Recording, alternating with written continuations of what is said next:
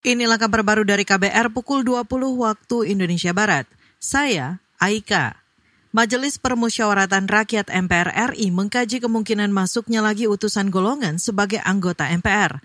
Utusan golongan dihapus dari keanggotaan MPR melalui amandemen konstitusi pada 2002. Ketua MPR Bambang Susatyo mengatakan keberadaan utusan golongan di MPR bakal menjadi perwujudan dari kedaulatan rakyat yang dipilih oleh rakyat. Hari ini kita kehilangan satu, yaitu utusan golongan. Inilah yang juga kita sedang dalami dan kaji kembali di MPR untuk dapat kita hadirkan utusan golongan.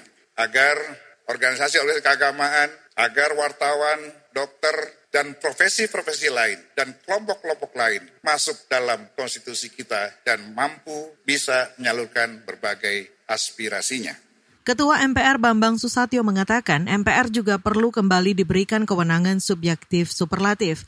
Menurut Bambang, kewenangan itu diperlukan agar jika terjadi sesuatu yang tidak diatur dalam konstitusi atau terjadi kebuntuan konstitusi, MPR bisa memberikan jalan keluar. Kita beralih, Perhimpunan Dokter Paru Indonesia PDPI mendesak pemerintah dan para pemangku kebijakan segera membuat peraturan perundang-undangan tentang pengendalian polusi udara. PDPI juga mendorong pemerintah meningkatkan pantauan polusi udara dan memaksimalkan sistem peringatan dini seperti memperbanyak titik pemantauan dan alat ukur kualitas udara.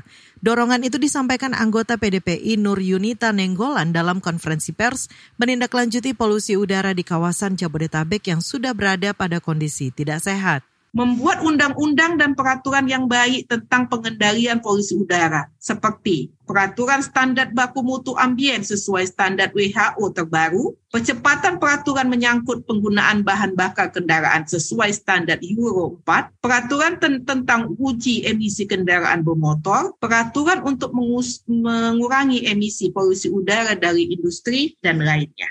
Anggota Perhimpunan Dokter Paru Indonesia PDPI Nur Yunita Nenggolan juga mendorong ada koordinasi lintas sektoral termasuk melibatkan akademisi dan organisasi profesi untuk menangani polusi udara. Nur Yunita mencontohkan perlu ada kajian atau penelitian dari para ahli atau akademisi untuk mengetahui sumber-sumber polusi udara di wilayah perkotaan, kajian dampak kesehatan polusi udara pada masyarakat, dan upaya-upaya yang harus dilakukan untuk mengatasi polusi udara secara lintas sektoral. Ke satu informasi lain, Lembaga Kajian Ekonomi dan Keuangan Indef memperkirakan pemerintah bakal sulit mencapai target penurunan angka kemiskinan ekstrim menjadi 0% pada tahun depan. Direktur Indef Tauhid Ahmad mengatakan meski pertumbuhan ekonomi Indonesia pada 2024 ditargetkan tumbuh 5,2 persen, hal itu tidak akan memberikan pengaruh besar terhadap upaya penghapusan kemiskinan ekstrim.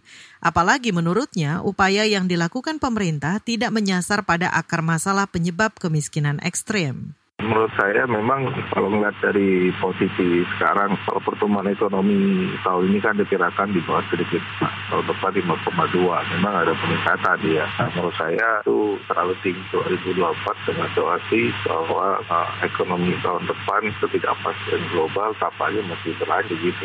Direktur Lembaga Kajian Ekonomi Indef, Tauhid Ahmad mendorong pemerintah mengevaluasi regulasi dan program penurunan angka kemiskinan ekstrim.